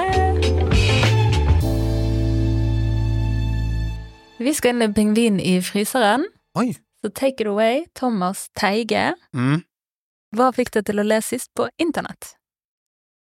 Eh, en eh, eh, Jeg eh, var i et møte nå der jeg så en utrolig morsom eh, promo for Louis C.K. sin serie, der han eh, har et sånn Han har hatt For å ta forhistorien, da. Veldig utrolig Jeg burde bare sagt katter, jeg vet det, beklager. Men eh, det var en veldig gøy promo til en TV-serie som han laget, også, eh, men der han går inn til en pornoprodusent og sier at jeg er litt sånn berømt, og så, men mm, det, jobben min eh, ble kansellert. Tror du at jeg er nok berømt til å liksom lage Kunne tjene penger på porno? Og så har han en dialog med han porno, han, er, eh, han produsenten som forteller alt han må gjøre for at det skal være For han er for stygg til å liksom være i ekte porno, men han kan være i Og, da må det, og så var det så sært, og han sitter liksom Ja, greit, ja, ok. Så jeg må liksom ha én i munnen og jeg to her. ok, så, altså, Det var bare utrolig velspilt, da. Og så var hele poenget var det at han da, helt på slutten, så får han telefon at du, de bestilte faktisk den eh, serien din. Så det var sånn ah, Veldig bra oppspark til en eh, veldig eh, fin TV-serie. Jeg likte den før, da, men ja. Ja. Det Den lo jeg av, den som var sånn. ah. Ja, jeg godt. Jeg burde sagt katter, da, bare for å holde svaret kort. Ja, det var fint svar. Jeg skal gå inn og, inn og se. Ja. Hva og hvor drikker du helst på byen? Oi. Eh, hvor eh, syns det er helt umulig å svare på, fordi at jeg føler at alt endrer seg hele tiden. Mhm. Så jeg er jo sånn der eh, eh, Alltid hvis jeg skal ut og drikke øl, så må de andre foreslå sted, og så møter jeg det opp på Google Maps, for jeg bare jeg vet, ikke- jeg vet ikke hvor det er lenger, liksom. Er sånn. det fordi det er lenge siden du har vært Ja, ute? jeg, jeg, jeg, ehm, eh, jeg, jeg, jeg, jeg syns steder skifter navn og bytter, og jeg, har ikke, jeg klarer ikke oversikten. sant? Jeg lever jo et liv der jeg eh, ikke nødvendigvis går så veldig mye ut. Men jeg liker best øl. Ja. La det være sagt. Ja. Jeg syns det er Det er liksom den eh, Gjerne litt sånn Nesten sånn litt sånn kjip tappøl. Det har jeg hørt flere si. Ja. Så da er det øl eh, hvor som helst i byen, egentlig. ja. Der de andre Det er de andre. Ja, men det er et fint svar. Hva er det beste komplimentet du kan huske å ha fått? Oi. Eh, det beste komplimentet Det som har gjort mest inntrykk på meg, som jeg fremdeles husker, jeg var ehm, eh, Jeg jobbet på en Når jeg studerte, så jobbet jeg på en pub i Tønsberg. The Royal Oak. Den finnes ikke lenger, han er hele bygget er revet, men uh, der eh, Jeg syntes det var ganske gøy å jobbe som bartender. Mm. Uh, det var på en sånn brun sportsbar, dette her. Og da var Når jeg eh, hadde en veldig hyggelig kollega der, og så var han ene som jobbet med han. For vi gikk jo der etterpå. Vi fikk jo ansatt pris på pils, så vi Ja. gikk jo der. Og Ja. etter, eh, når vi ikke skulle på, var på jobb, så gikk vi der og drakk først før vi gikk ut, liksom. sant? Og da sa han ene til meg at vet du Thomas, du er faktisk en veldig god bartender. Eh, og altså eh, Ikke sånn å lage drinker og sånn, men det var veldig hyggelig stemning og sånt. Og det gjorde så sinnssykt inntrykk på meg, for det var så hyggelig sagt. Og at jeg er blitt en sånn som sier når folk er flinke i jobben sin. Fordi at jeg satte enorm pris på å få den tilbakemeldingen. At jeg er sånn som sier kanskje litt for mye at folk er flinke i jobben sin, og jeg mener det på aller beste vis, men jeg tror at det innimellom kan oppfattes litt sær. For at jeg er sånn Du er faktisk veldig flink. Du er veldig flink. Men det, men det er det komplimentet som var eh, jeg husker best. Og så var det kanskje ikke det liksom flotteste, men det gjorde mest inntrykk på meg. Ja. Mm. Kan det være fordi at du følte ikke du nødvendigvis det Nei, det, men, jeg syns det var gøy. Jeg, Ja. følte meg flink, men det var så deilig å få, andre, uh, få den anerkjennelsen. Bare sånn, vet du, du er veldig flink til dette. her. Ja. Takk, det var er nydelig. Det er jo noe å ta med seg. Ja, jeg mener det, og jeg er sånn som sier det. Ja. Og jeg tror at det er kanskje er litt sært, men uh, det, det- jeg, det, er, det, det, kommer fra et godt sted, da. Jeg prøver egentlig på det samme. Det, Ja, for hvis folk er flinke i jobben, så syns jeg at det er så hyggelig å si det, for det er så mange som tenker det. Ja. Og bare si det. sier man det ikke. Oi, oi, oi. Hva var det siste du brukte penger på? Mm, bortsett fra sånn lunsj og sånt, det er ikke interessant. Det siste du brukte, Ja, jeg kjøpte en faktisk. en Pryt proteinyoghurt. så spennende. ja, men det svarer det. Jeg var på vei eh, mellom møter. Ja. Hvem er Bergens beste band? Oi! Bergens beste band. Ja. Oi, oi, oi. Er vi på band, eller er vi på artist, liksom? Yes, sir. Mm, altså, jeg er jo Jeg, jeg liker Vaular veldig godt, da. Men er det, kan, er det Går Han det er artist, da. Ja, han er artist. Det går, er det godkjent svar her? Jeg tenker band. Han Ja, har, vel- band, han har jo sikkert et band, men jeg vet Ok, ikke hvem beste det er. band. Mm. Jorunn Baby, da. Ja. Jeg sier det. Ja. Kan du synge en strofe med favorittsangen din? Nei. Med de? det det. Nei? Hæ? Jeg var nå bombesikker på at du og alle skulle gjøre det. Å nei, det, er, det blir for kleint. Du beklager, altså. Jeg, jeg, jeg er tonedøv, Ja, men det er og jeg ingenting har ingen, eh, jeg har ingen uh, eh, Det ble sunget mye rart i denne podkasten, for å si det Ja, sånn. Det er bare å Men altså, jeg er jo veldig glad i himmelen, da. Det er jo den som er på en måte stikker seg ut. Ja. Uh, men eh, nå, nå, nå choker jeg helt fullstendig. Ja, men Tenk hvis Eh. eh, en av de hører på nå. Jeg syns du skal Eh, glede du de. sa til meg at det var opp... Nei, faen er det, da? Nei, hva er det, da? Veldig Sa til meg at det var opp Nei, herregud, nå går det helt i surr. Eh. Stemmer Jeg får ikke til å stemme Jeg får ikke ordene til å gå opp i forhold til melodien her. Det er jo veldig dårlig, da. Du sa til meg at det var Vet du hva, dette er pinlig. Det er Nå gøy. tenker jeg altfor mye her. Men nå, men nå har du gjort det. Ja, ja, men det var et forsøk. Men det var et patetisk forsøk. Nei, nei. Til alle, hvis det er noen som liker Fjorden Baby, eller uh, gud forby at noen i Fjorden Baby hører dette, så tar jeg en et bøttevis med selvkritikk. Altså, det her var svakt. Det var jækla Jeg choket. Og det som er, når jeg, når jeg går ut herfra, så kommer jeg til å synge hele sangen. Altså, Det kommer til å bare spille klokkerent i tankene mine. Ja, ja, men det er sånn det er. Ja, ja, flaut. Ja. Har du en situasjon der du tenkte shit, det er faktisk meg som er drittsekken her? Ja, selvfølgelig. Ja. Det er jo eh, ganske ofte, det. Kan du komme med et eksempel? Um, uh, ja, altså i, eh, Det er jo liksom i uh, Profesjonelt så er jo det Har jeg uh, flere eksempler der jeg har vært rett og slett barnslig.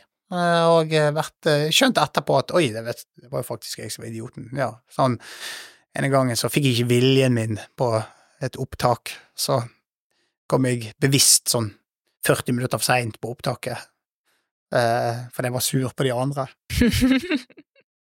Og det var for øvrig det opptaket med Tonje. ja.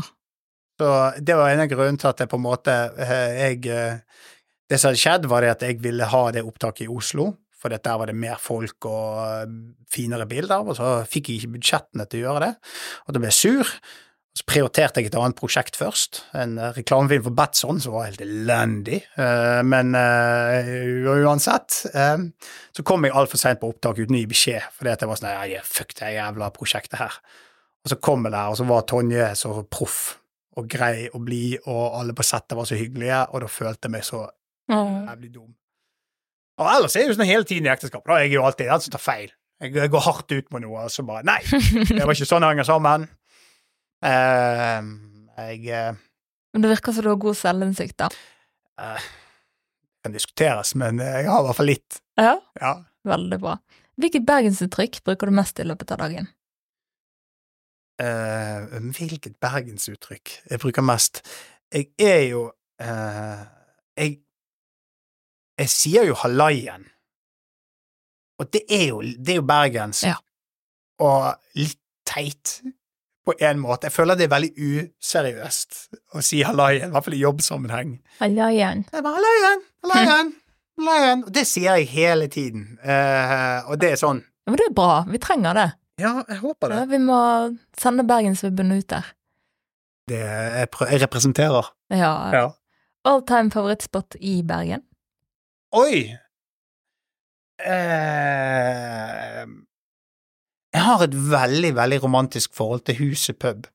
jeg vet ikke hvor det er engang. Det ligger jeg, jeg, er usikker på om det eksisterer, om det er det det heter eh, lenger, men det ligger borte med eh, Du vet der BA holder til? Ja. Så inni der, der var det et hotell, og den hotellbaren der Jo, jeg tror det fins! Ja? Den hadde sånne båser, eller har, jeg håper det har det ennå, da. Ja. Og det var så fantastisk. Der satt meg og en som jeg skrev mye med før, alltid og jobbet med ideer og fjaste. Så, sånn så begynte sånn, vi jobbet litt, og så tok vi sånn øl. Dette var før jeg fikk unger, vel å merke. Hvilket hotell er det som ligger der? Nei, det hotellet fins ikke lenger. Nei, Det er lagt ned. Ja, det er lagt ned. Ja. Eh, jeg husker ikke hva det hotellet var heller, Eh, men eh, det, det er sånn spot som jeg har et sånn, litt sånn romantisk forhold til. da. Ja. Sånn, av, hvis vi skal tenke sånn, da. Ellers er jo jeg eh, eh, Hva andre steder, da? Jeg, mener, det lik, jeg liker det, denne brune puben der. Ja. Men jeg går jo der aldri, da. Nei. Men det er sånn at jeg har et romantisk forhold til det. ja. Ja. Aldri hørt om, faktisk. Nei, men det er, det er en grunn til Det det. Det er, ikke, det er absolutt ikke trendy. Det er ikke kult. Det er utetrend. Det går ikke der, liksom. Skjønner du? Det er eh, Det kan jeg ikke se for meg. Mm. Hva er din favorittduft? Duft? Um, vår. Vår. Altså, Mm. jeg syns det er sykt digg når det er liksom begynt å blomstre. Ja.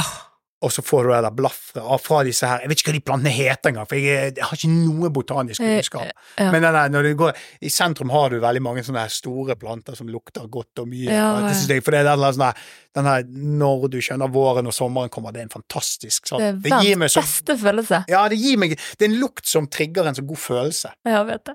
Første vårdagen i Bergen er jo bare, bare å legge seg ned og begynne å grine. Ja, det er så fantastisk. Og så Åh, ikke så mange av de. Men jeg elsker mai, da. Det er liksom bare en festmåned i. Bergen. Ulriken eller Fløyen? Jeg liker Fløyen. Ja. Og til sist, hva ville du gjort hvis du kom hjem og fant en pingvin i fryseren? I fryseren Mhm. Eh, jeg hadde Jeg tror jeg hadde pratet med sønnene mine, for det, det, det, det, hadde vært en sånn Ok, vi må ha en uh, alvorlig samtale. Hvordan i alle dager har dere fått til dette her? Ja.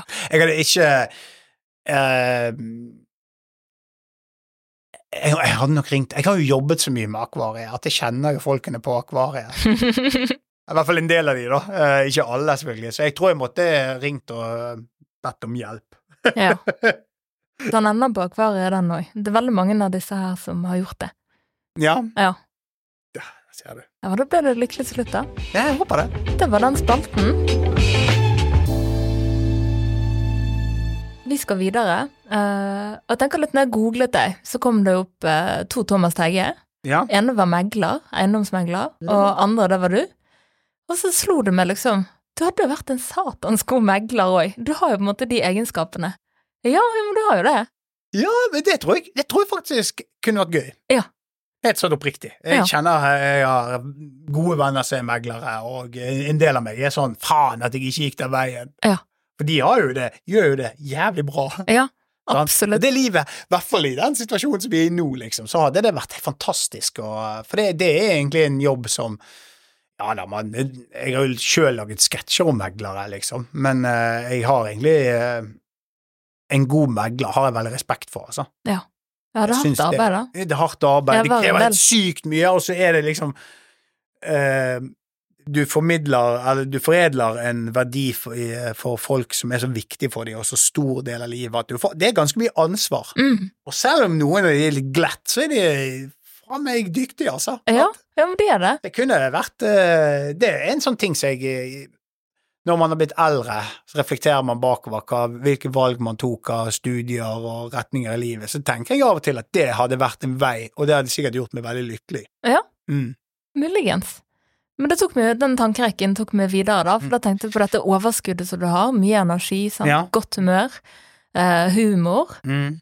Og så begynte jeg å tenke sånn standup, du har prøvd deg ut på scenen der, og så får jeg opp det der bildet. Du vet, det, dette er jo metafor. Jeg vet, ikke, jeg vet ikke om jeg en gang skal våge meg utpå her, men, eh, men det er jo det bildet, sant. Du har jo den klovnen som på en måte underholder på scenen og går bak på backstage og griner, sant.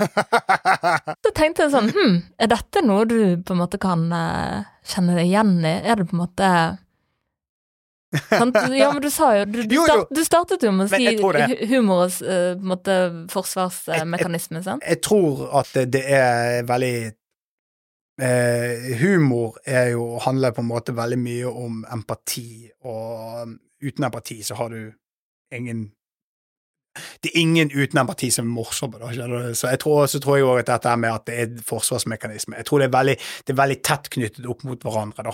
Eh, og så er det samtidig, for min del, så merker jeg at det med eh, Når du har det som jobb, så, så, så er det liksom Jeg tror det er veldig viktig for å overleve mentalt i en humorbransje at du på en måte må se på det som en jobb. At eh, når jeg da forteller deg her i sted at jeg prøvde noe på standup-scenen og dummet meg fullstendig ut, så er det bare en jobbting. Mm. Det har ingenting for meg som menneske å si, skjønner du? Mm. Og det er et perspektiv som jeg har fått etter hvert. Det har vokst på meg. Ja. Så jeg tror at um, eh, bildet med den klovnen som underholder på scenen og går backstage og griner, det er nok en, et veldig passende metafor for hele humorbransjen, men samtidig så må man klare å liksom Men man overlever ikke hvis man tar det personlig. Man gjør ikke det, altså. Det er Det kan være vondt her og der. Ja. Uh, nei det, det kan være vondt, men man må ikke liksom Det definerer ikke deg som menneske. Nei.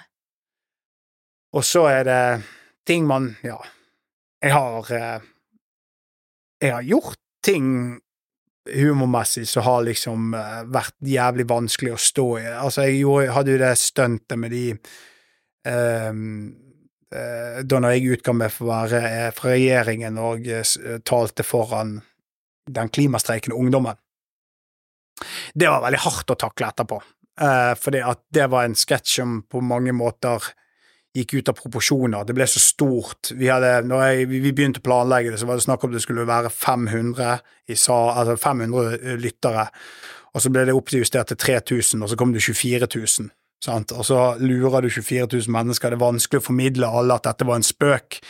Eh, og etter det så ble det så intenst mye drapstrusler, og eh, da måtte bare liksom Det var ufattelig vondt å takle. Mm. Da var det Det var ikke Det var, det var da Det, det er den liksom vondeste opplevelsen jeg har hatt sånn eh, eh, da, da var det, det var, Ja, det var tungt å bære. Mm.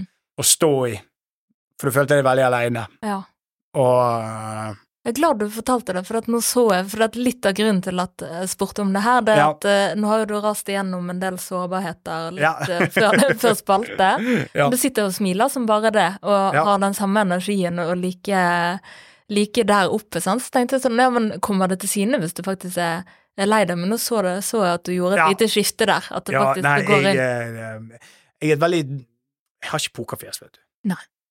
Jeg virkelig ikke. Nei. Eh, tror jeg er ganske lett å lese på veldig mange områder, Ja. og eh, mm, det var Ja. Nei, eh, det var ikke jeg bare surrer jeg her. Blir vippet av pinnen, vet du. Nei, nei, jeg gjør ikke det. du gjør ikke det. Nei, nei, du er ærlig. ja, nei, men jeg uh, sa det til deg. Jeg skal love å være ærlig. Ja, Mm. ja det har du vært. Og jeg kan bare forestille meg det å få drapstrusler. eh, Ja, drapstrusler når de føler det er et poeng i de, det er Mm. mye verre enn drapstrusler som du bare føler at de er feil. Ja. ja, for da Eh, går det jo på sikkerheten din og tryggheten, ja, ja. man føler på. Og så, eh, men sånn som etter det stuntet, så var det liksom det, det gikk så fort i planleggingen, og så ble det så massivt stort i forhold til hva vi hadde planlagt sammen med Natur og Ungdom der, at det var, det ble faktisk helt sånn ah, holy shit, nå hater alle meg. Mm. For det var det eneste hvis du altså, Tørde ikke gå inn på Twitter, for å si det sånn. Eh, og eh, jeg stengte alle sosiale medier og alt mulig, for jeg visste at det som Det er ingen av de som støtter deg, som sender melding til deg Nei. på sosiale medier når du har gjort noe som er kontroversielt. Og jeg hadde heldigvis Josef Hadoui, da, som hadde jo noen uker før vært gjennom eh, egentlig akkurat det samme når han hadde stuntet på Dagsnytt 18 og han begynte å snakke med den ulven som ikke var der. Det høres absurd ut når jeg sier det her nå, men det var jo en veldig absurd setting. Mm. Og han fikk også intenst mye hat om å måtte gå under jorden. Så jeg husker jeg eh, når jeg, eh, etter jeg hadde gjort stuntet, så skulle jeg fly hjem til Bergen, og da tok jeg bare på meg en hettegenser, og så gikk jeg, og så bare Mobilen bare sluttet ikke vibrere. Mm. Så satt jeg på toget på vei til Oslo, og så bare må, eh, Hva gjør jeg nå? Og så ringte jeg til Josef, og da knakk jeg bare sammen. Da Ja. begynte jeg å liksom Jeg har ødelagt alt. Ja. Dette var en kjempetabbe. Og så eh, Det som var fint da med Josef, som hadde vært gjennom dette noen uker før, er at han kunne snakke meg gjennom prosessen steg for steg, hvordan dette kom til å bli. At eh, nå, jeg hører, jeg hører Thomas at du griner, jeg hører det, og det gjorde jeg òg, og så kommer det til å skje, og så kommer det det, og så Og alt stemte. Ja. Det helt, men det der at hvem faen har gjort et sånt stunt og har en annen å snakke med? Jeg er jo bare så privilegert at jeg kunne snakke med én person som har Ja. gått gjennom dette her, og det var jo det som gjorde at jeg taklet det. Mm. Fordi at, eh, fordi at etter noen uker, for det går såpass lang tid, så kommer de som faktisk skjønte hva vi gjorde og syntes det var morsomt. De holder helt kjeft Ja. når eh, drittstormen er. Ja. Fordi at hvis du da, eh, sånn som eh, Ta et eksempel, da. Jeg syns jo det Josef gjorde, var helt Jeg syns det var et, et mesterverk Ja. i, i en komedie, når han gjorde det han gjorde. det, Og eh, nei, jeg syns det var Og han gikk så mye mer voldsomt inn i det enn jeg hadde trodd. Så jeg ble så paff, og jeg, så- jeg syntes det var et mesterverk. Men jeg, eh, hvis jeg hadde ytret det på sosiale medier når den stormen mot ham var, så hadde jeg fått så jævlig mye hat. Da hadde jeg, da hadde jeg blitt dratt inn i hans Ja, eh, bølge. Ja. Så jeg visste jo det når, når, når, når jeg plutselig sto i den situasjonen sjøl, og eh, eh, Josef eh, kunne fortelle meg hvordan det var så, eh, så, så har han helt rett. Og de, og de som støttet deg, de kom etter hvert. Ja. Da kom liksom meldingen som bare hei, ja, jeg ville bare si at jeg skjønte hva du gjorde, det var utrolig morsomt. Og, og igjen, det der å faktisk eh, Når folk har gjort noe bra, uansett eh, Kanskje ikke uansett hvor kjent de er, men det der å få en tilbakemelding som er positiv, betyr utrolig mye, altså.